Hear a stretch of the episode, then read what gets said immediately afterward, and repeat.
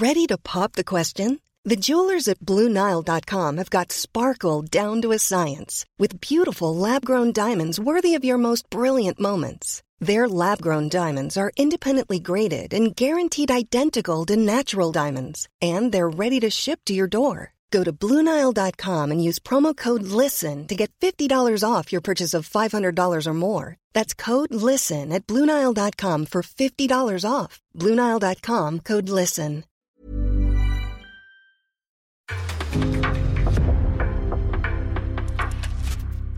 En podcast från Aftonbladet.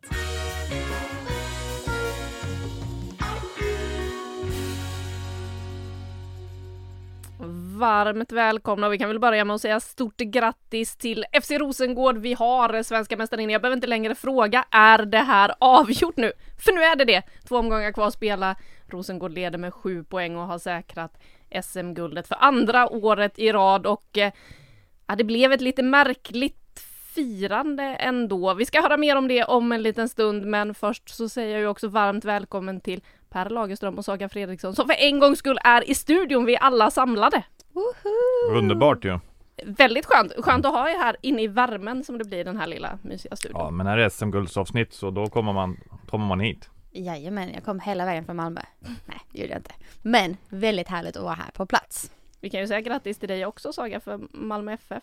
Ni har också kunnat fira i helgen. Alltså så självupptagen var jag när du sa grattis, började vi säga grattis tänkte jag, ja men vi har ju gått upp så det är säkert mig du pratar om det. Nej, skämt åsido, men eh, absolut, eh, tack så mycket. Kul. Och vi säger grattis även till Växjö DFF som ju är klara för damallsvenskan. Eh, efter att ha vunnit i helgen så har vi ett lag klart till nästa säsong. Vi vet fortfarande inte vilka som åker ut och mycket, mycket mer om damallsvenskan. Det blir det ju om en liten stund såklart. För nu har vi ju en massa att prata om när det bara är två omgångar kvar. Men vi ska börja med snabbfrågorna som vanligt. Och vi börjar med, vad har förvånat er mest i veckan?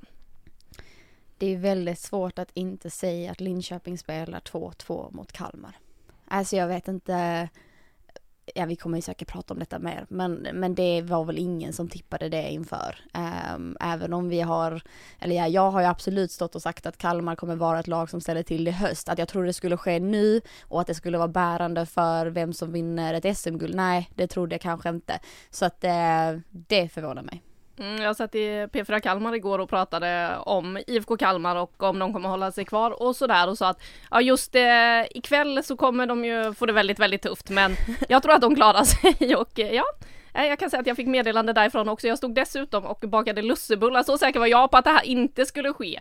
Eh, osminkad och redo. Fick kasta mig in till en tv-studio för att eh, göra en guldsändning. Det var väl ändå härligt. Äh, har du något annat Per? För det kanske är det mest förvånande ändå att det blev klart. Men det är såklart det är det, men om man tar en dimension till så är jag lite förvånad om man har chansen att vinna SM-guld, att man inte samlade en sån kväll. Då har man vunnit lite för många kanske, eller imponerade. Man har vunnit så mycket. Hade jag haft chansen att vinna ett SM-guld, då skulle jag nog dragit ihop hela laget. Men det var min reaktion, att Rosengård varken inte heller hade funderat på det här. Det var väldigt roligt att se, tycker jag. Men jag tror inte ens de ville att det skulle ske på det där sättet. Alltså det är klart att de vill fira på planen med sina fans, i dressade i sina kläder. Alltså det är den indikationen man har fått lite bakom kulisserna. Att det, jag tror det där laget hade hoppats att få avgöra på egen maskin.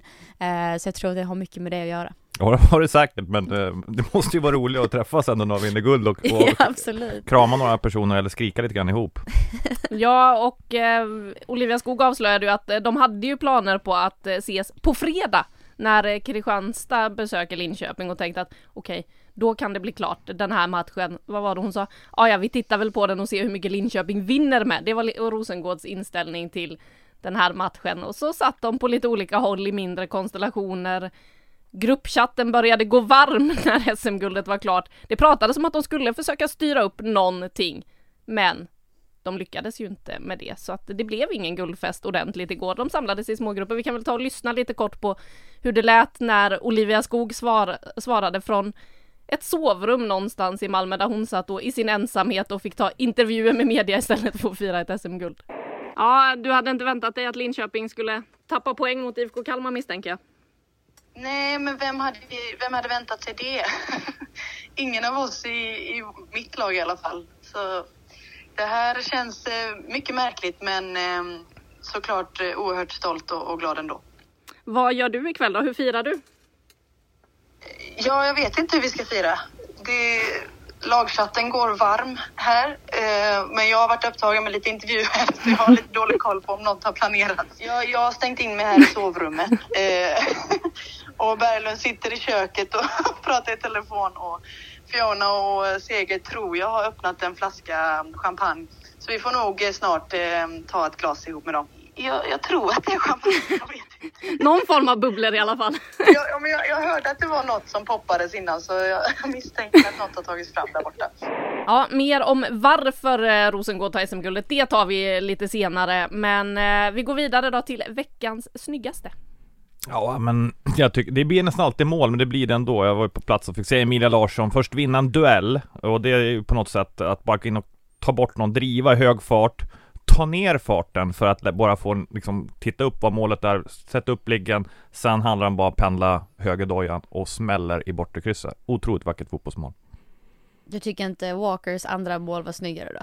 Felträffar brukar jag inte räkna in på de här. jag skojar bara. Nej men jag tyckte bara, jag håller också med, det är ju klart Emilia Larssons mål, det var otroligt eh, snyggt men, eh, men Walkers liksom shot or cross eller är det en lobb, är det in i mål, ingen vet men mål blev det. Så att eh, den var ju också underhållande framförallt.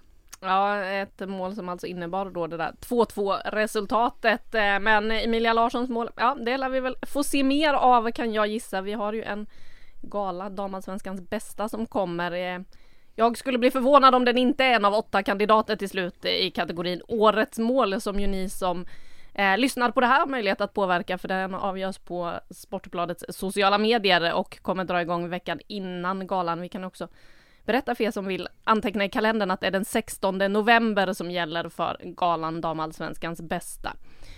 Vi går vidare till veckans svenska i Europa. Där landar jag någonstans i eh, Johanna Rytting Det är ändå ett eh, hiskeligt snack om speltid. Vi har pratat om det många gånger i podden, vi pratar om det i våra sändningar, vikten för landslaget, att hon får chansen från start och att hon tar den. Eh, det för mig är alltså, riktigt coolt att se. Eh, vi ska också ha med oss att det där var en, en vattendränkt bana så att eh, hennes vanliga dragningar gick ju inte hem för bollen stannade mitt i steget. Men hon slogs inte ner. Alltså man såg på henne att hon hade bestämt sig att den här matchen så ska hon leverera och visa att hon ska vara i startelvan. Och jag tycker hon eh, bevisar att hon, eh, ärligt talat tycker hon, utan att bara så här svensk ögon sett, så är hon bästa spelaren på planen utifrån intentionerna hon gör och också inblandad i väldigt mycket offensivt. Så att eh, Johanna Rytting Kaneryd får min veckans svenska i Europa. Mm, jag tror också, jag såg någonstans att de blev utnämnd till matchens bästa spelare. Det finns väl olika sådana bedömningar, så att du är inte helt ensam där. Och det var snyggt. Eh, sen får jag väl kontra med dem, men däremot för landslaget var det jätte, jätteviktigt eh, för Sverige, men ändå, det är klart att eh, vinner Milan mot Juventus och Aslani som kommer dit, det är klart att hon gör två mål och vilken, vilken vinst ändå för Milan. Så man ena sekunden förlorar ganska enkelt mot Inter och sen slår man Juventus. Så det, det börjar hända saker i Milan och även Aslani, vilken stjärna hon är igen. Liksom. I de stora matcherna så gör hon de stora målen så att eh, jag får säga Aslani. Ja, och ger kanske då Italien lite försmak på vad som väntar nästa sommar, för Italien lottades ju in i Sveriges grupp i VM nästa sommar, som då Sverige kommer spela på Nya Zeeland. Det fick vi veta i lördags i en otroligt långdragen eh, lottningsprocedur. Eh, men ja, drömgrupp för Sverige. Vi får se hur det går efter den där gruppen och när vi ändå då är inne på landslaget. De ska ju åka till Australien nu. Det är en träningslandskamp som väntar. Peter Gerhardsson tar ut sin trupp på torsdag. Nu vill jag veta en skräll som ni vill se i den här truppen. Jag vill se tre skrällar. Men eh, jag får börja, nej men jag tycker Matilda Winberg ska vara med. Jag tycker eh, hennes formkurva pekar stor, otroligt snabbt uppåt och så, så vass i, i, spelet. Sen tycker jag både ytterbackarna i BK Häcken, Hanna Wik och eh, Anna Sandberg, för att kanske inte redan nu, men det kan gå så snabbt för den unga spelaren. Ska vi med alla tre? Alltså så här tänker jag på när man säger skräll är ett namn som aldrig hörts förr. Och jag tänkte jag kan ju inte välja de här spelarna för det där är ju inte skrällar. Men jag håller med dig. Eh, det var exakt dem det var exakt de jag tänkte på. Det är de här spelarna som någonstans eh, ligger där i periferin som är ena foten inne, ena foten ute. Eh, men måste ta chansen. Sen vill jag också då slänga in, om vi nu nämner namn som redan varit med. Eh, Hint hint Per, eh, men Stina Lennartsson. Jag tycker att kan hon få chansen att växa in i den här miljön så ser jag att hon har fysiken framförallt som kan ta, eh, ta sig an större matcher. Eh, jag tror det tycker jag man tittar ofta på att det är liksom Sverige måste vara fysiska, de måste vara snabba och där tycker jag hon passar in i den mallen väldigt fint och så att kan vi få in alla fyra? Ja, det skulle vi kunna få. Du kan få en riktig skräll, men inte Kör. till Australien, till VM. Ja. Det är faktiskt, man, nästan som man glömt bort henne, men jag tänker att en, en eh, vintersäsong, Rosa Kafaji gör sin bästa vintersäsong oh, någonsin. Det är bara den. allting stämmer i våra och hon blir EM-jokern och gör det lilla extra för Sverige. Wowzers! Där har en skräll. Okej, okay, jag gillar det, jag gillar det. Mm, det finns en del att se fram emot med den här eh, trupputtagningen. Vi får väl se vad Gerhardsson väljer att göra när han nu ska presentera vilka som får åka med till Australien eh, när det är dags för den träningslandskampen. Den kommer ju spelas då efter att eh, damallsvenskan är avgjord. Eh, och då går vi väl in på det. SM-guldet, för just det är ju redan avgjort. Vi har strider som fortfarande lever, men Rosengård är svenska mästarinnor och eh, vi kan väl börja med att lyssna på vad Sofie Bredgård sa igår kväll då efter att det blev klart varför det är så att det är Rosengård som vinner SM-guld. Nej, jag är väldigt stolt på det sättet vi har gjort det. Det kanske inte varit eh, lika snyggt varje match, eh, men vi har fan eh, stått ihop som ett lag och, och kämpat för varandra eh, och visat att vi kan vinna på olika sätt. Eh, så det har varit väldigt viktigt. Eh, men jag, jag är väldigt, väldigt stolt. Vad säger du om din egen säsong då och ditt bidrag till det här SM-guldet? Nej, men som jag sagt förut, när man, när man spelar i i lag med så många bra spelare då, då bidrar det också till att man själv lyfter sitt nivå. Um, så det har varit kul liksom att också själv känna att man har lyft sig efter, efter man har bytt lag och, och bytt klubb och sånt. Um, så det, det är stort eh, och jag, jag är nöjd. Um, så det är väldigt kul.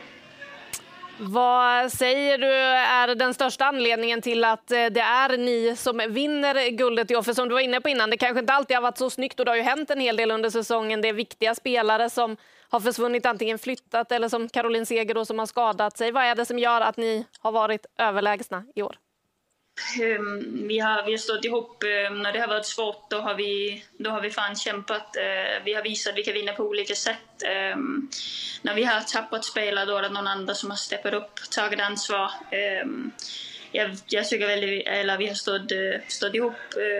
Ja, så jag tycker väldigt, eller vi är ett lag som har visat vägen liksom. Mm, en glad Sofie Bredgård. Eh, vad skulle ni säga då? Varför vinner Rosengård SM-guld? Jag tycker ju att det finns eh, otroligt många anledningar, inte bara spelarmaterial utan eh, man har, alltså jag har själv spelat i Rosengård, det är ju ingen hemlighet och, och, över många år så har man alltid varit det mest bollförande laget, man har varit kanske det bäst starka offensivt och, och så vidare. Men det här året så tycker jag mig se en nyans som vi inte har sett tidigare, vilket är att de har börjat vara lite mer cyniska när de har behövt. Och det finns en ödmjukhet i det, det finns en respekt för Europaspel i det och det, det talar för att man har förstått uppgiften och att man kanske inte är det här det mäktigaste laget i Europa ännu och därför tycker jag det är fräckt att se den utvecklingen och det är också det som jag tror att de har gjort att de faktiskt tagit poäng i vissa matcher som vi kanske i förhand trodde att ja men Häcken kanske ska vinna den här matchen, de har spelat bättre. Eh, det gör de inte för att, att Rosengård ändrar taktiken och det, det finns finess i det och det är ena delen. Eh, den andra skulle jag vilja säga är avgörande spelare i avgörande moment. Eh, man pratar om bredd, bredden måste kunna påverka. Det kan inte bara vara att du har en stor bänk utan det måste vara spelare som faktiskt kommer in och ändrar matchbilder. Det har de haft. Eh, jag, vi kan bara ta en sån som Jessica Wik som eh, kommer tillbaka från en väldigt tuff period efter att eh, ha fött barn och inte kan, kan liksom komma tillbaka till träning även om hon är urtränad och eh, kommer ändå in och spelar på så otroligt hög, hög nivå. Det är ena delen. Um, ta Stephanie Sanders, vi har snackat om supersub hela det här året och hon kommer in och, och avgör match efter match efter match med både assist och mål. Och då har vi inte ens liksom nämnt startelvan som gång på gång presterar på hög nivå. Eh, lägstanivån är så himla hög. Då är det väldigt svårt att inte vinna SM-guld. Så att många delar, eh, hatten av och grattis till Rosengård. Mm, ja men du är inne på mycket och dels, nu ska vi inte, jag tycker inte man ska prata om den här vinner nästa gång, jag måste ändå nämna Häckens inledning på säsongen är för svag, som jag ser de stora kandidaten, där slänger de bort konkurrenssituationen. Skulle det vara någon säsong man skulle utmana Rosengård, jag vet, eh, tippar du Rosengård Saga som vinnare innan? Jag gjorde ju inte det Nej. och det är det. Det är ju det. Det, det gjorde jag, men hade jag däremot vetat att eh, Seger, Cankovic och Veje skulle lämna så hade jag nog inte gjort det. För att det är att de klarar de tappen, då har du massa anledningar där och jag vill ändå påstå då, de kanske hade ändå bäst trupp om man jämför med Häcken, det, det är det. Men, och jag, det är så lätt att slänga sig, men det finns någonting i vinnarkultur. Jag satt och funderade, vad betyder vinnarkultur? Och jag tror att det betyder massa saker för, mig. Dels så tror jag att Caroline Seger är lite av en vinnarkultur, oavsett om de är på eller utanför banan. Att hon är så enorm liksom, personlighet och vill vinna. Utan att veta det så gissar jag med det jag hör att Rosengårds träningar är väldigt mycket vinnarkultur. Men också när du ser dem förlora. Jag såg dem förlora borta mot Piteå jäklar vad besvikna de var. Och de var tydliga med det och det var inte bra, det var inga ord, inga visor. Men det som händer efter en sån match, att Rosengård studsar tillbaka. Alla lag har svackor en säsong. Rosengård har extremt lite svackor och det tror jag både beror på bredd i truppen, till också eloge till tränarteamet, hur man jobbar, men också vinnarkulturen. Att det inte är acceptabelt. Vi måste göra någonting annorlunda, inte göra samma sak. De vågar göra saker annorlunda. Så vinnarkulturen tillsammans med att det faktiskt finns en väldigt, väldigt bra trupp och sen på en, återigen då, spelare. Jag är ändå inne på Sofie Bredgård att en sån ung spelare i Rosengård nu, får, liksom, hon gör ändå skillnad. Olivia Skog, hon var ju bra hela säsongen, men Bredgårds höst är lite briljant och du, du måste ha de där delarna. Så att eh, det, med den säsongen är det väldigt, väldigt imponerande att de vinner mästerskapet med två omgångar kvar. Det, det är stor eloge. Grejen med vinnarkultur också, bara för att lägga till där, är att du ger dig inte själv utrymme att tänka tanken att det finns något annat än vinst och det är skillnaden. Lag som, alltså det, man vet det om man har varit elitidrottare att eh, framförallt i de miljöerna att det, det finns liksom inget annat, man pratar inte om alternativa resultat. Sen kanske man inte alltid vinner och då blir man så besviken som de blev mot Piteå. Men kravställningen är att man går alltid in med inställningen att vi ska vinna allt vi rör. Så tänker de även i, i Europaspelet. Sen kommer de inte vinna den kanske, men det är det som är skillnaden. Om du är ett lag som inte har den kulturen, den eh, historiken, då har du istället eh, utrymme att ens tänka, ja men vi har gjort ganska bra ifrån oss. Och jag tror det är lite det som har hänt Linköping. De har känt att jäklar vilken bra säsong vi faktiskt har gjort. Vad, vad fint vi har spelat, vilken, vilken bra process vi har haft. Men nu i slutet har vi sett att de chokat lite. De har spelat eh, lite mer krampaktigt, inte lika tempofyllt och nog varit lite, jag ska inte säga nöjda, men det är väl ändå den känslan man lite sitter med att var ni för nöjda för tidigt? Ni var inte riktigt hela vägen in i mål. Och det tror jag, och då ska vi ändå komma ihåg, Linköping har vunnit i sina dagar, så det, det är inte så, men det handlar om gruppen, gruppen som är just nu. Eh, och, och där har väl inte Nilla Fischers eh, ledarskap helt varit lika stark kanske som Segers, även om hon har alla sina vinster bakom sig. Gruppen är fortfarande ung och jag tror att det är det som är skillnaden mellan de här två lagen som det är nutid. Jag tycker det var intressant som Olivia Skog var inne på igår efter eh, att guldet då blev klart. Eh, först så sa hon det, hon bara, ja, men nej, det var nog ganska många som trodde att Rosengård inte skulle lyckas eh, för andra året i rad. För det har vi ju sett ganska många gånger tidigare att de har legat bra till men de har inte lyckats försvara sin titel. Nu gör man det. Men hon var inne på just det här med vinnarkulturen och sa att varje match har varit årets viktigaste kan man säga. Vi har inte tagit någonting för givet utan bara tänkt att den här matchen måste vi vinna oavsett motstånd.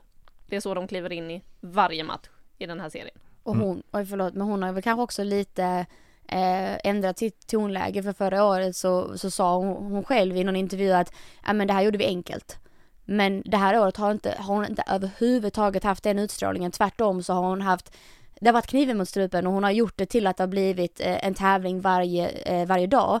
Och vad det beror på, det kanske är en inre resa eller vad liksom sin omgivning och så vidare. Men, men hur du talar om dina motståndare, det har ändrats och jag tycker det syns i spelet. Man är ödmjuk, man är aggressiv i spelet och, och vill få ut så himla mycket. Och eh, jag, jag uppskattar den utvecklingen och jag tycker också att det, det är snyggare än att, att säga att man tar hem ligan enkelt för att de, ingenting är enkelt i damallsvenskan. Det är tuffa matcher, det säger alla tränare, alla spelare, eh, även nu Olivia Skog.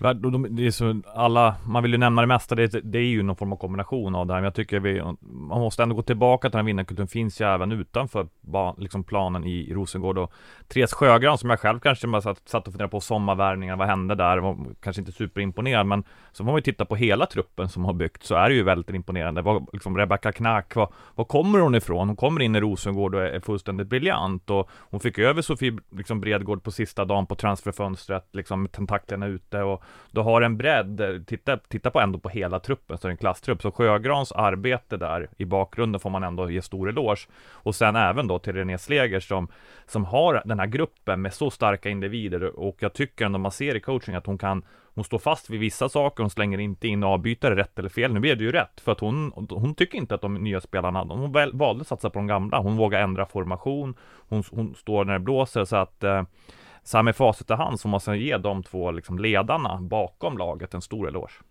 Mm, och vi säger än en gång då grattis till eh, Rosengård eh, och eh, SM-guldet. Det trettonde för mästarmästarinnorna Rosengård som då blev klart när Linköping tappade poäng. Vi ska snacka mer Rosengård om en stund för vi ska snacka Champions League. Men först så ska vi prata om de där striderna som då fortfarande lever och ja, vi har ju redan varit inne på det, men skrällen i Linköping. Vad var det egentligen som hände? Tystnaden Tystnaden. Ja men det, det, det är väl det som, är, ja men det är ju, jag tror, du var inne på det Saga, jag tror att dels så tycker jag att man ser att Li- Linköpings formkurva har sakta varit på väg neråt. Och det är ju ofta så att i en säsong så har du svackor någonstans och jag undrar inte liksom att den är på väg. De har liksom räddat det, en spelare som Olga Ahtinen gjort några drömmål några matcher som man inte sett kanske formkurvan. Då hade de tappat poäng mer. Då hade alla sagt Linköping har en dålig form. Men i spelet har ju inte riktigt varit lika gnistrande. Alltså de hade ju kanske vassast anfallsspel, skapar alltid målchanser. Det har ju slutat hänt. Så att jag tror snarare att en formkurva kommer och går. Linköping är i en sämre formkurva. Jag tror det bland annat beror på att man har faktiskt haft ganska liten trupp. Det har gått mycket spelare. Vad händer på träningen hela tiden? Och då blir det en effekt av att du inte kan kanske konkurrera. Då måste allting stämma. Det har, den har den inte gjort. De hade behövt haft några spelare till tror jag för att kunna korta ner formkurvan. Som till exempel Rosengård har ju en förlust. Sen är de tillbaka på hästen igen matchen efter. Dels det och, och jag, jag tycker det är jättetydligt att man, man saknar Ahtinen såklart. Ehm, även Lennartsson, det, det, det är två så viktiga spelare och det är precis som du säger. Um, vad fragile de blir när de inte får ha sina två spetsspelare på planen, inte två, de har fler, men ni förstår vad jag menar. En annan del så får, alltså jag, jag måste ändå säga det, det är så himla lätt att bara prata Linköping, vad de gjorde, men det fanns ju ett lag på andra sidan, Kalmar. eh, de gjorde sin läxa. Alltså vi, eh, nu satt vi och jobbade med den här matchen igår i studion och man kan se det på ett annat sätt och man kan pausa bilder och så vidare.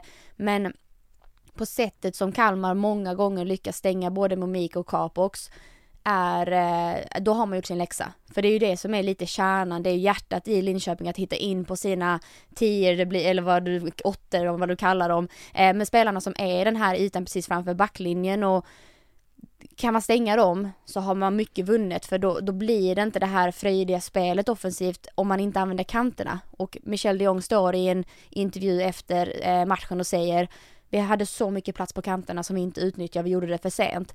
Då är det återigen, vad är det som saknas? Jo, en Olga Ahtinen som är så skicklig på att upptäcka ytor. Hon är så skicklig på att fördela.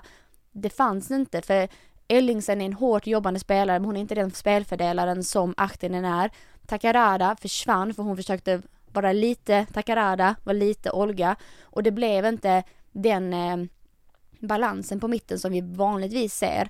Eh, så att det är ju en del i det och sen ärligt talat, det kändes som att, jag ska inte, jag, vet, jag ska inte lägga ord i mun på dem, eh, men att var de mätta liksom, var de riktigt så passionerade som de behövde vara? För jag tyckte inte att jag såg den här att man in och bara vinner varenda tackling som man har sett dem när de mötte Eskilstuna eller när de mötte Häcken. Det smällde i varje duell. Det var lite så här, ja Mm, men men- försäsongsmatch. Ja men lite, men jag tänker att det tror jag har egentligen med den här känslan av att du har allting att förlora. Alltså, Så kan det ju vara. Lite så, men jag, det du beskriver nu, dels Kalmars styrka och, och Linköpings problem. Det, när man, jag får ju liksom titta, jag sitter bara och tittar på den här matchen, behöver inte jobba så här, och, och bara liksom, vad är det som händer här? Och redan i halvtid Mm. Så jag fundera, aj aj aj, liksom tänker jag, för jag tycker det är roligt när det lever Den här serien kommer att avgöras, för att det fanns tendenser i matchen, både med liksom, Kalmars sätt att, att spela, Linköpings trend, så att det var, och det är ju någonting som händer ibland i fotboll när man vet att det börjar gå emot lite grann och så bara blir det. Och det är klart att de här ska, klart att de vill vinna, men det går inte. Det går inte att göra den extra löpningen i matchen. Det går inte att vända den här känslan som hela tiden kommer, oj, oj, kommer Kalmar kvittera här? Och så gör de det. Mm. Så att det är ju, det är ju idrott, och den här liksom mentala aspekten, när någon har allt att överleva, någon har allt att förlora. Jag tror att det finns en, en aspekt i det, i det där. Ja men så är det ju såklart. Alltså verkligen. Men jag, man kan ju inte, man kan inte ta från någonting från, eh, från Kalmars prestation för att det är en prestation och man ska också göra mål på de här lägena och eh, man kan säga vad man vill om Walkers andra mål men någonstans eh, man brukar säga att man förtjänar sin tur. Eh, och den här gången förtjänar Kalmar sin, sin tur inom situationstecken, jag kaninöron här. Eh, men också Linköping som inte kommer upp i nivå. Eh, och det, det är faktiskt det som händer. Ehm, och att de, de blir nog tagna av stundens allvar lite. Life is made up of many gorgeous moments. Cherish them all, big and small, with Blue Nile. Whether it's for yourself or a loved one, Blue Nile's unrivaled selection of expertly crafted fine jewelry and statement pieces help make all your moments sparkle. Blue Nile's experts are on hand to guide you, and their diamond guarantee ensures you get the highest quality at the best price. Celebrate a life well lived in the most radiant way and save up to 30% at BlueNile.com. That's BlueNile.com. Mm, och eh, det innebär ju då att eh, guldchansen är borta för Linköping, men nu gäller det ju att knipa en Europaplats. Vi har tre lag som är med och slåss om det här. Och i och med det här resultatet så ligger ju faktiskt Linköping trea. Häcken går om på bättre målskillnad. Den där matchen mellan Linköping och Häcken, där det rann iväg rejält, den kan avgöra det här till Häckens fördel. Vem hade trott för, ja men säg där eh, innan sommaruppehållet, att Häcken helt plötsligt skulle ligga tvåa med två omgångar kvar? Vad är det som händer? Alltså med tanke på, Per du hintade om det innan, så här, vem jag tippade som etta det här året. För jag kände när jag såg Häckens lag och jag var, jag var så spänd på deras bygge och hur de valde att spela. Det fanns så mycket i det laget som jag kände så här, det här blir bra, jag, jag tror ändå på det i år. Och sen så blir det platt fall i våras och jag bara tänker, vad är det som händer? Vad är det som sker? Och sen har man en höst som är, alltså då är man uppe på den nivån som vi alla har förutspått någonstans och vi ser att de tar vinster i viktiga matcher och man går in och avgör och det är bra spel framför allt. Det är någonting att bygga på. Eh, jag har ju sagt hela tiden att lyckas inte Häcken ta sig in i tre, alltså topp tre så är det en misslyckad säsong och det, det tror jag inte någon skulle argumentera emot. Eh, Linköping å andra sidan, om jag bara flikar in dem här igen, de har ju pratat om någon slags treårsplan att ta, ta SM-guld om tre år, men att man kan redan nu börja konkurrera om Europaplatser, det är ju också så här, jag förväntar mig nästan att de har så mycket i sig att de klarar av det.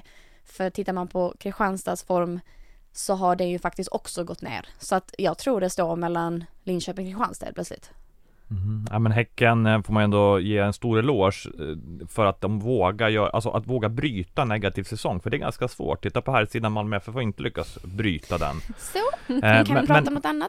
Ja, nej, men, men det, det tycker jag är respekt för och, och det man gör där, vi var inne på det tror jag då, att eh, Vilehamn eller klubbens sätt att göra det, oftast så byter du tränare, här byter man ett antal spelare och gör ganska tydlig riktningsförändring med nya spelartyper, nya ledargestalter i omklädningsrummet, men också ett lite annat arbetssätt och det ger effekt.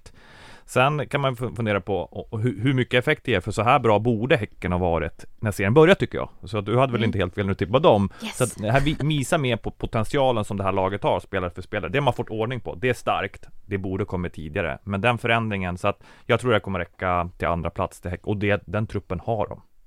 Ja, de vann ju då med 3-1 mot eh, Piteå i helgen. Jag var på plats på Bravida Arena och jag, där var jag tänkte lite på det när du pratade om att Linköping inte riktigt kanske hade den där sista gnistan. Jag kände nästan i början av andra halvlek att oj vad Häcken börjar bli desperata nu. Det känns som att de verkligen vill framåt och att de nästan började stressa lite tidigt i den matchen. Sen lugnade det ju ner sig. Det funkade superbra att heta Anna i Göteborg i eh, den här helgen, eh, tydligt. Eh, det blev ju också så att Anna Tiki fick det första målet till slut. Eh, Anvegård, det tyckte jag var lite roligt, som säger efter att Ja, nej, jag sa ju kanske att det var jag som eh, gjorde det där målet för att vi var inte säkra på om Tiki var onside eller inte. Oh, Mm. Men sneaky, eh, sneaky. ja, Anna Tiki fick målet till slut och det godkändes ju trots protester från Piteå. Josefin Johansson var ju inne på i halvtidsintervjun där att ja, ja, domarna, det var, det var säkert lugnt. Men eh, ja, Anna Tiki, Anna Anvegård och så Anna Sandberg som fick göra sitt första mål. Vi kan väl ta och lyssna lite på Anna Sandberg efter matchen. Vad säger du om eh, segern idag då? Ja, den satt ju hårt inne. Jag tycker att vi... eh, Första halvlek, det är en tuff första halvlek för oss. Vi kom inte riktigt upp i nivå och det känns som att energin inte riktigt finns där eh, som den brukar göra. Eh, Men jag tycker det är starkt av oss att vi går ut och, och höjer oss i andra halvlek, går ut med mer energi. Eh, Så att det, det är väldigt skönt med tre poäng. Vad tänkte du när de tog eh, ledningen? Det är också ett hyfsat mål de gör. Ja, det är klart att det, det är tufft när man åker på ett mål sådär. Men vi har också pratat om det att vi måste hela tiden ha tålamod och även fast vi ligger under eller att det står lika att det är mycket av matchen kvar. Eh, Och det tycker jag att vi gör. Vi, vi har tålamod under hela matchen och vi jobbar på. Så att det är skönt. Anna verkar ha varit ett gångbart namn i Häcken idag där ute om man tittar på målprotokollet. Vad säger du om ditt eget mål? Nej, men det är otroligt skönt. Det är här man har gått och längtat nu på efter. Eh, Så att det ja, det är så jäkla skönt och att eh, äntligen få släppa lite nu. Nu får vi fortsätta. Mm, och tre mål alltså mot Piteå. Jag satt, vi gjorde ju den också någon gång när Linköping-Eskilstuna som vi sa brukar bli målsnåla tillställningar. Det sa jag på den här också, för det brukade bli mellan Häcken och Piteå. Det blev det ju inte och Häcken tar tillvara på det här med just målskillnad då, som ju är det som gör att de ligger före Linköping just nu. Man har lika många poäng, men det är alltså Linköping och Kristianstad som möts nu på fredag dessutom. Ehm, ja, vad tror ni, hur slutar det här nu då? Vilka tar Europaplatsen och vad händer på fredag? Går det förutspå vad som kommer ske mellan de här två lagen? Det går ju inte. Du säger ju det själv. Det går ju inte att förutspå någonting i den här ligan och det är det som är hela skärmen men också helt omöjligt för att det, det, det kan svänga så himla snabbt och nu om man bara blickar mot fredag så jag eh, trodde nog någonstans att efter Kristianstad förlorade mot Örebro att de skulle hoppa på hästen och utmana Rosengård på riktigt. Det gjorde de inte. Och nu hade ju mitt argument varit, ja men nu har ju Linköping åkt på den här smällen. Kommer de hoppa på den här hästen och faktiskt eh, claima vinsten och frågan är om de har det i sig. Alltså jag, jag står lite så här, det är två lag som jag tror är lite besvikna just nu. Så antingen så använder man det som en energi, att man faktiskt går in och briljerar i sitt spel. Eller så har man musten gått ur. Och jag, jag vill ju tro det förstnämnda. För att det här är ändå professionella atleter som, som älskar vad de gör. Så jag har väldigt svårt att se att man inte motiverar sig i sånt här skede. Eh, vilket också då gör att jag tror att det här kan bli årets match, ärligt talat. Väldigt, väldigt viktig match ehm, för Kristianstad och Linköping för att det är ju, jag tror jag, helt avgörande för Europaspelet. Dels vilka spelare du kan värva, hur, liksom, liksom, hur ska du summera den här säsongen? Från att båda lagen, Linköping och Kristianstad, pratas om att guldracet så kan det sluta på fjärde plats. Då blir det nästan, kan vi inte säga fiasko om det, men riktigt misslyckande får man ändå säga. Så att, så att det, det blir någon form av final om Europaplatsfinal, liksom nästan som en playoff. Um, det gör ju, jag tror däremot att Kristianstad har goda chanser att, att vinna den matchen. Eh, på tal om deras vassa forward som jag tror passar bra mot Linköping, men såklart att Linköping har kapacitet att vinna också. Men jag, jag ska tippa så vinner Kristianstad, men det räcker ändå inte för det är med fyra poäng efter. Jag tror eh, Linköping som ordnar upp det där. Om de inte gör det mot Kristianstad så gör de mot Örebro. Så att eh, jag tror att vi har en tabell som den ser ut nu, att den, eh, så kommer den sluta i toppen i alla fall. Mm, och det innebär då Rosengård som etta, det kan vi ju slå fast så är det. Sen då Häcken två, Linköping trea och Kristianstad som de som hamnar utanför Europaplats. Men om vi blickar neråt då, för där har vi också en högintressant match i helgen. Vi har Umeå som ligger på en kvalplats mot BP. Hur går det då? Ja, men om vi, om vi tar en playoff-match så har vi en playoff där i, i botten också och den kan väl man säga om det betyder mycket att komma till Europa så betyder det här ännu mer. Det är alltså existensen i, i, liksom, i damallsvenskan. Det är helt andra spelare du får värva och helt andra, det kan innebära att spelarna är proffs här och amatörer i elitettan. Så det här är ju en enormt stor, alltså står väldigt mycket spel för spelarna också. Så att här blir det ju en mental aspekt. Hur klarar spelarna det här? Det är inte bara klubben. Eh, och det blir väldigt intressant det finns ju egentligen ingenting som tyder åt något håll, bara att faktiskt just nu har Umeå 12 poäng och BP 9, så de är väl lite bättre då. Och det är väl det som skulle tala för, för Umeå, men så, så krass. Men, med det sagt, Brommapojkarna, vi var inne på målskillnad, även här har ju BP bättre minusmål, bara minus 38, Umeås minus. Så att vinner de, då är de ju, så att, då är de ju på samma poäng här och bättre målskillnad. Det, det, så att eh, på något sätt, jag vet inte om man får önska det, men det får man väl göra. Jag skulle gärna vilja att Kristianstad vinner och att BP vinner så att det blir ruskigt spännande sista omgången. Eh, nu är jag ärlig. det var du verkligen, det är väl härligt. Men det, det kan man väl få önska. Eh, nej men jag, jag ärligt talat, eh, jag tror jag tappat det lite för jag är bara, jag, jag, men jag sitter och tänker verkligen, vad kan den här matchen sluta? Vad väger det åt? Ser man hur BP presterar mot Hammarby, om vi bara tar bort målen? Alltså första minuterna där, alltså BP är inte att räkna bort. Jag tycker det är någonting charmigt med den klubben att de de lyckas eh, peta in lite bollar hit och dit och på sättet de gör det oftast från väldigt hög aggressivitet. Orkar de hela matcher? Nej, inte alltid. Men mot Umeå så ska de göra det. Så att jag ser ändå framför mig att det där kan bli en riktig höjda match och framförallt att BP kommer springa som de aldrig har sprungit förr. Och frågan är om Umeå orkar mentalt stå emot och att de faktiskt orkar göra det spelet som, eller prestera det spelet som de gjort under säsongen för att många gånger spelar de, jag säger faktiskt fin fotboll. Alltså det är, det är inte ett lag som bara hoppas på det bästa utan det finns en jättetydlig spelidé. Sen kanske man inte alltid får träff på den, men det kan jag ändå uppskatta med ett bottenlag. Um, det är en öppen match, men, men det lutar, för mig lutar det mer åt BP, just eh, based on tänkte jag säga, eh, intensiteten. Alltså de lyckas komma upp i andra nivåer, aggressiviteten, intensiteten än vad Umeå många gånger gör och därav tror jag att de är, det är vågskålen. Umeå har mer förlorat, vill jag också påstå. BP har pratat hela säsongen, vi spelar vårt spel, skulle vi åka ut så gör vi det. Umeå, den forna storklubben, mm. där det handlar om att vara, alltså för spelare tror jag, större krav på sig, men såklart mycket, mycket bättre läge. Sen kan man ju vända på det, skulle Umeå vinna, och jag tror att Eskilstuna är ju lite på, nytt, på nytt född här och slår Kalmar. Då har du Umeå Kalmar på samma poäng. Och det där Kalmar som vi har räknat klart för länge sedan, jag tror jag satt mot uh, BP och sa att nu, nu är de klara. Då skulle Umeå och Kalmar på samma poäng. Skulle Umeå kunna bara bara farten vinna sista, få Kalmar kvala. Uppsala eller Alingsås kanske. Eh, mm. Det är inte givet, alltså alla tror att det är, alltså, så det kanske blir spännande sista gången oavsett. Så jag slutar hålla på något lag här. Jag gillar ändå hur du försöker här. Eh, men om man ser också, det kan ju bli intressant i den sista omgången för att där har vi också pratat om just fördel för IFK Kalmar för att man möter AIK som är jumbo. Det kan ju bli som så att AIK åker ur på måndag nästa vecka när man möter Häcken. Eh, vinner man inte där så är det ju kört för AIKs del.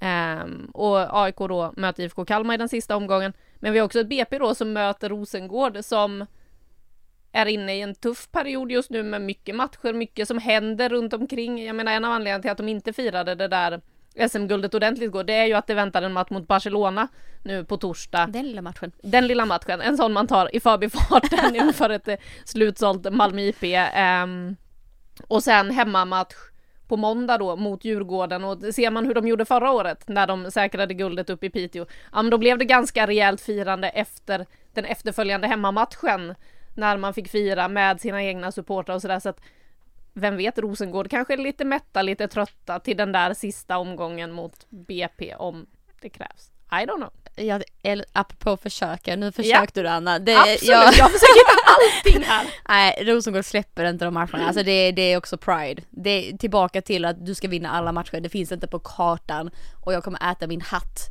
om det är så att jag har fel på denna, för det, det ska inte ske bara. Eh, de har, vi har pratat bredd, de har en bänk som kan gå in och som startelva i vilken annan klubb som helst. De kan gå in och vinna den matchen. Jag ser inte att BP kommer ha en easy ride där. Nej, och eh, just eh, det där du är inne på, de där bänkspelarna, om man nu väljer att lufta lite spelare i den, de har ju allt att bevisa så att Exakt. Ja. Eh, nej, jag, jag, försöker hitta spänning här jag också. eh, men vi får se. Jag tror väl att vi kommer sitta nästa vecka och ha ganska mycket att se fram emot ändå med tanke på hur den här serien lever sitt eget lilla liv. Det går ju inte tippa någonting någonsin. Allt blir bara helt tvärtom. Så att ja, vi får väl se var vi landar. Vi stänger eh, den damallsvenska eh, butiken för det här avsnittet i alla fall och så ska vi blicka ut mot Europa och Champions League för gruppspelet är ju igång. Det fortsätter den här veckan men om vi ska titta lite på det som hände då första veckan. Ska vi börja med Barcelona som alltså vinner med 9-0. Visa vad skåpet ska stå direkt. Ja, mot ett lag som, liksom, även om Rosengård är lite högre rankat än Benfica, som man pratar om, det är ju Rosengård och Benfica det handlar om, så ska, skulle Rosengård förlora med 9-0 skulle vi tycka att det är kris, så att det, det, på något sätt är det en enorm eh, respekt för Barcelona igen. Förvånande däremot att Benfica som var i Champions League förra året släpper till det där, så att, eh, nej, för mig eh, ganska tråkigt resultat. Jag tycker ändå att de här gruppspelen börjar bli jämnare. Eh, och det är ju det i andra matcher. Det här var väl en, men det är väl dominansen av Barcelona, allting stämmer. De, de är också en mördande konkurrens i sin startelva, så spelarna vill ju hela tiden, de slår ju aldrig av på takten i matcherna, vilket gör att det kan bli de här resultaten. Mm, ett resultat som kanske förvånade desto mer innan vi går in på eh, den där grupp D igen där Rosengård då spelar. Grupp C, Lyon, Arsenal 1-5. Alltså vad höll de på med? Alltså vad höll Lyon på med? Det, det, alltså jag, ja absolut att spelare, eh, startspelare inte var på planen och så vidare. Men jag bryr mig inte ärligt talat. Heter ni Lyon och har ni vunnit så många gånger. Det får inte se ut på det här sättet. Eh, alltså Arsenal fick det att se ut som en, eh, liksom en en, vad säger jag, jag säga barnmacka. Det är inte ett ord, det är inte Nej, ett en uttryck. barnlek snarare Barnlek! Alltså cake tänkte jag, okej. Ja, jag tror alla fattar vad jag menar. Ja, det var, det var för enkelt. Eh, samtidigt eh, så är jag imponerad av Arsenals start det här året, både i ligan, i Champions League. De ser ut att ha hittat varandra, de är fröjdiga i sitt spel, det är så mycket som stämmer och det är klart att det är roligt att se att det går bra för Eidevall. Alltså har ju också eh, haft honom som, eh, som tränare så det är klart att det, det är roligt att, att det går bra för honom även i Europa och att, att han eh, kan sätta sin prägel på ett lag och så vidare men, men det är, det var förvånande och jag tycker inte att det är acceptabelt ärligt talat att Lyon eh, sänker sig på det sättet. Det fanns ingen struktur i den backlinjen. Folk flög in höger och vänster utan en tanke på att vänta vad kommer bakom mig? Kommer någon springa in här och, och vilja göra mål? Absolut kommer de det. Så att nej, jag förstår inte vad de höll på med faktiskt. Nej, det går inte att snacka bort fem, det är på hemmaplan också, och släpper in fem mål på hemmaplan. Det enda då, och det är ju ruskigt imponerande, det är ett världsresultat liksom. Det här kommer ingen ta ifrån Arsenal någon gång. Det däremot, hade det här varit en, en, liksom en avgörande match, då hade jag liksom spikat upp den lite mer resultatet. Det undrar jag inte om det här kanske blir lite bra för Lyon ändå, som har varit lite mätta, att de får, får den här matchen. Så vi får väl Liksom, jag tror fortfarande de kommer vara hugga där när det drar ihop sig men eh, det är bara lyfta patten. 5-1 mot regerande mästarinnorna i Champions Leagues gruppspel. Wow! Ja, en rejäl käftsmäll för Lyon. Vi får väl se hur de hanterar den och hur man vaknar upp efter den där. Men eh, det har ju också diskuterats en del när det kommer till det här med Europaspel, hur de engelska lagen eh, levererar ute i Europa och eh, Arsenal då vinner borta mot Lyon med 5-1. Chelsea tar också en tung seger ändå, 1-0 mot PSG. Kommer de engelska lagen gå långt i år eller vad tror ni? Det tror jag faktiskt. Men kan vi bara först och främst vara överens om att PSG-Chelsea var den tråkigaste matchen att titta på. Ja, det gick, så- alltså det var, det hände så lite i den matchen. Och sen är det liksom Bright som gör det där målet och det, eh, det gillar jag i och för sig, jag gillar när mittbackar går upp och avgör matcher. Det, du det är någonting fint med det ändå. Eh, men men eh, alltså så, bara titta, vi pratar om att när man inte jobbar matcher, men bara titta matcher som är så långsamma och det hände noll på planen. Alltså jag känner bara, nej men vad är det här? Men tillbaka till din fråga. Jag tror det. Jag tror det är deras tid att skina och jag tror det är deras eh, stund att eh, visa vad de går för. Jag har ju efterfrågat det framförallt Chelsea. Trots att jag nu vet att under den här starten av ligan har de inte riktigt hittat varandra än. Vi ser det mot Liverpool, vi ser det även mot Brighton, även om de vinner krampaktigt till slut. Eh, det är inte ett lag som är helt i harmoni så som Arsenal är. Det är ett lag som fortfarande försöker hitta varandra, det är formationsändringar, det är, jag vill inte säga formatera Anna, men jag sa formation. Nej men alltså det är, det är trots allt eh, lite som pågår i Chelsea med tanke på att Hayes också är borta så att att de ändå tar den här vinsten mot PSG, det tycker jag är starkt och det också visar att, jag ska inte dra för stora penseldrag nu, men det visar någonstans ändå att man är på gång och att man eh, är att räkna med. Ja, och det liksom börjar ge resultat att Women's Super League blir tuffare och tuffare. Det är fler lag med där uppe. Det var det redan förra året, men nu är det ännu fler lag tycker jag. Man ser att bottenlagen blir också lite sämre. Liverpool inte vilken nykomling som helst. Så det gör att ligan taktar till sig. Engelska lagen blir bättre förberedda. Däremot så tror jag att det är lite för tidigt, att de kommer gå helt okej okay, tror jag, men jag tycker det här också beskriver lite hur, liksom, hur Europa ser ut. Om vi tar, liksom, vi ska tippa vilka som ska ta medalj i VM, så är det otroligt svårt liksom. Är det Spanien, med, liksom, eller är det Tyskland, eller är det Frankrike vid stjärnorna, eller är det England som Europamästare och så har du lite Sverige på det där, så att det alltså vi har inte riktigt satt det här i Europa, det är inte lika tydligt vilken nation leder utvecklingen, så det är ingen slump att det kan bli resultat. Ena dagen slår, alltså Wolfsburg Bayern München kan komma där och Barcelona kan vinna med 9-0, så att vi är, vi är nog där, där, där Europa just nu är väldigt, väldigt tight och vilka tar, ta steget men det ser ut däremot som ligan, Women's Super League, har tagit steget och det är väl där, därför jag tror att de går åt rätt håll. Ja, och eh, vi får väl se också för det som kanske har varit det stora problemet tidigare för de engelska lagen, det är ju när det kommer till utslagsmatcherna sen när det är de här dubbelmötena och dit har vi ju en bit kvar. Eh, värt att notera också innan vi går in på Bayern Rosengård. Eh, det är ju att eh, Wolfsburg får en eh, drömstart på det här. Nu möter man Sankt Pölten och man har den här räkmackan rakt in i eh, slutspelet sen. Det har vi ju redan diskuterat, men Wolfsburg känns ju som ett lag att se upp för den här säsongen. Man har en spelare som Alexandra Popp bland annat och ett gäng andra tyska landslagsspelare så att eh, ja, vi får väl se där. Men det andra tyska laget då, Bayern München mot Rosengård. Rosengård tar alltså ledningen, Loreta Kulashi får göra mål eh, borta på Campus Bayern. Men sen så orkar de inte riktigt, de räcker inte riktigt till, de kan inte avancera, koppla om när Bayern väl har gjort 2-1. Eh, ja, vad säger ni om eh, Rosengårds första gruppspelsmatch? Första halvlek är jag väldigt imponerad över Rosengård. Det är baserat på att de vågar spela en ganska offensiv fotboll trots allt, vilket jag tror är det som ställer Bayern München från början. Sen blir man trötta, precis som du är inne på, när man sjunker ner i, i knät på, på Maika och, och till slut så, så står hela laget där och det blir tungt att ställa om. Eh, vi pratade lite om, om val av forward. Eh, nu gör i mål, men är det så att man faktiskt behöver in, det är kanske så att man ska ha Mimmi Larsson som, som striker då, så att man kan ha en omställningsspelare i mitten som också kan hålla emot om det inte nu är Sanders eller eh, hjälp mig. Eh, Lundin kanske? Tack, det var Lundin jag sökte. Alltså som har lite en annan typ av, av eh, spelarprofil.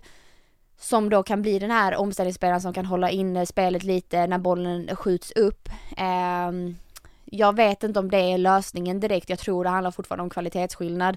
Jag sa det inför, det Bayern München ska vinna den här matchen nio gånger av tio så att eh, jag är inte förvånad över resultatet. Samtidigt är jag ju förvånad samtidigt att Rosengård gör en så fin prestation och inte blir tagen av stundens allvar. För det tyckte jag man såg.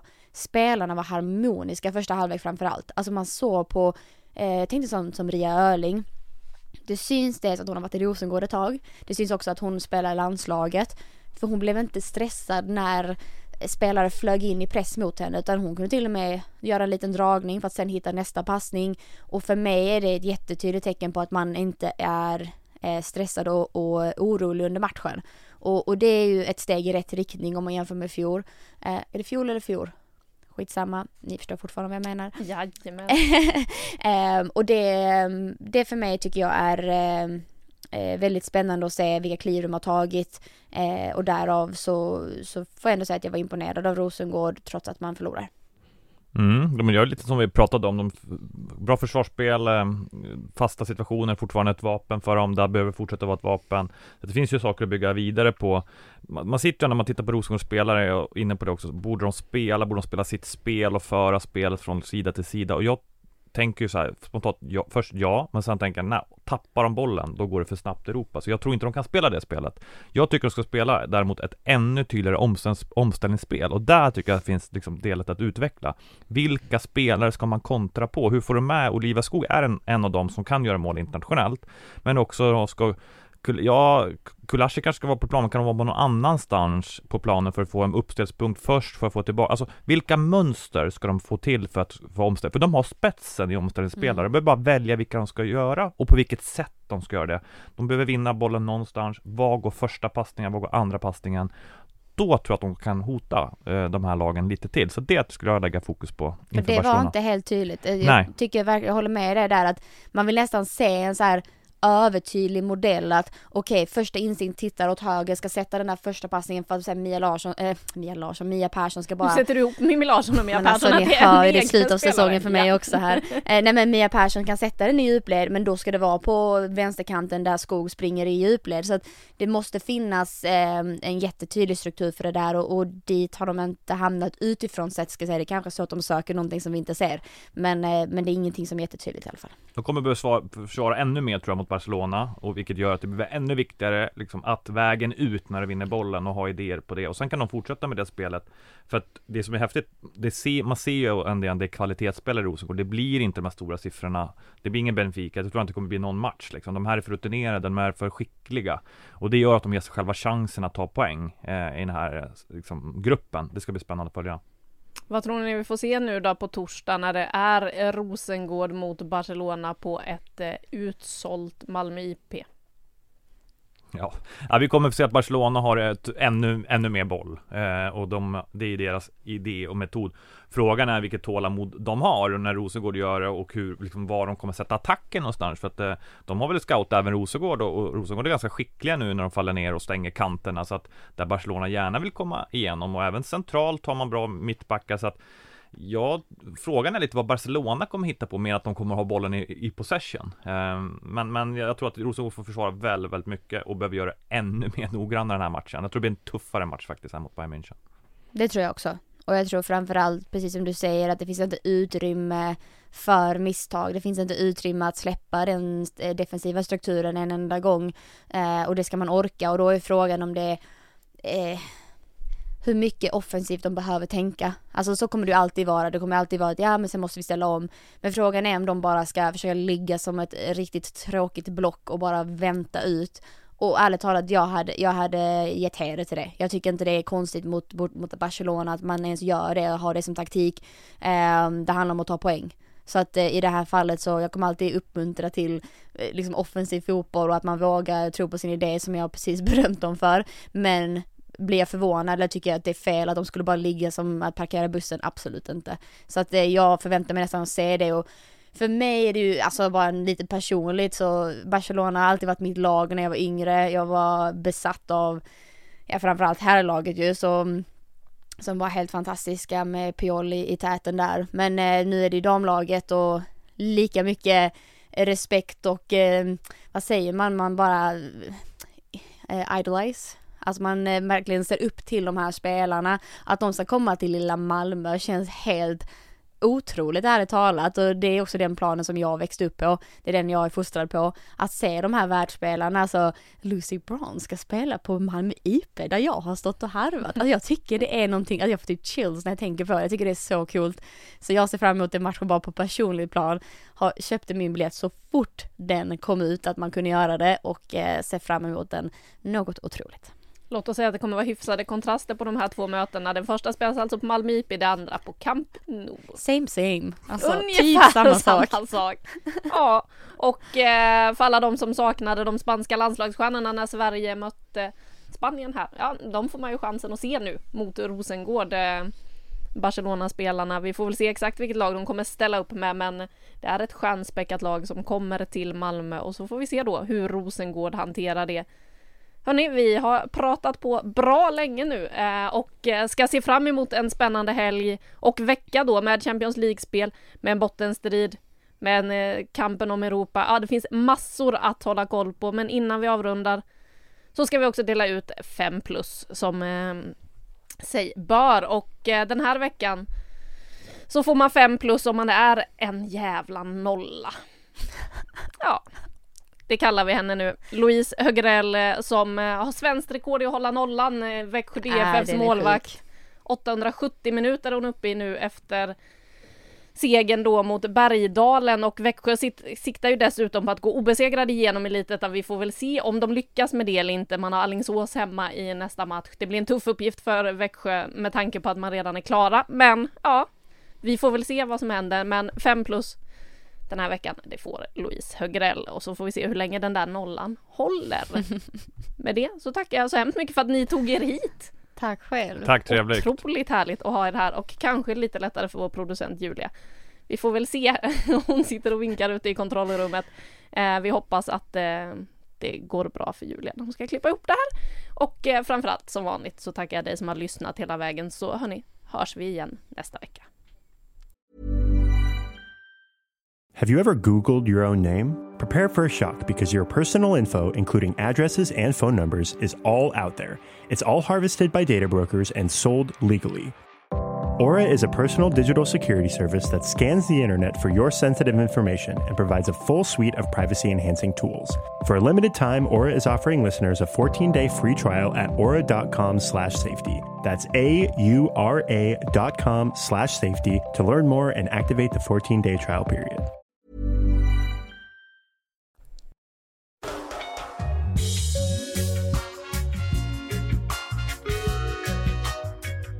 Du har lyssnat på en podcast från Aftonbladet. Ansvarig utgivare är Lena K Samuelsson.